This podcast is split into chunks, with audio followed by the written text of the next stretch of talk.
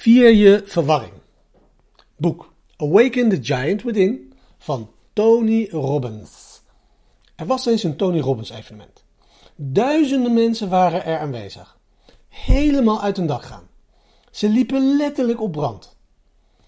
Er is zoveel te leren van Tony Robbins, maar hier heb je één idee dat mij de afgelopen 15 jaar is bijgebleven. Stel je voor, duizenden mensen in een auditorium. Iemand staat op om een vraag te stellen.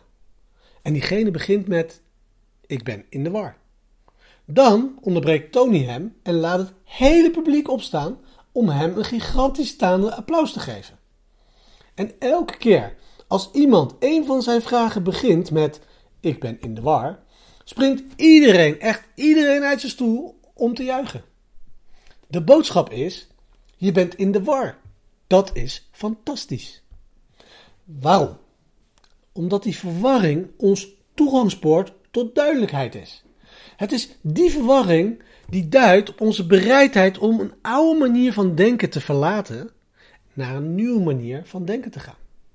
Zoals de natuur het helaas heeft bepaald, is de overgang van de ene manier van denken naar een nieuwe manier van denken zelden een super elegant proces. We wensen maar al te graag dat verandering in een handomdraai lukt en dat, het meteen, dat je meteen alles wat je moet weten hebt uitgedacht.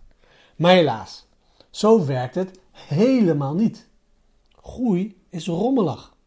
De wereld op nieuwe manieren leren zien en uitvinden hoe we daarin moeten zijn, is nou eenmaal een rommelig proces.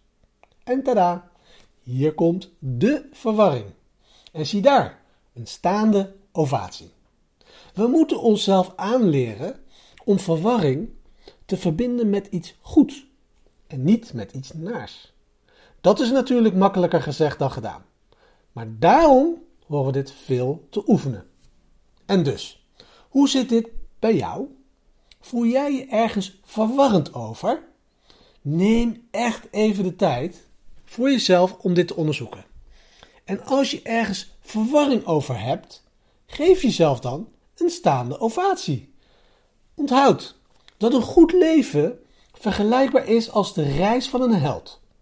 En volgens de definitie en de expert Joseph Campbell betekent een heldhaftig leven bereid zijn de bekende wereld te verlaten en het woud van het onbekende in te trekken.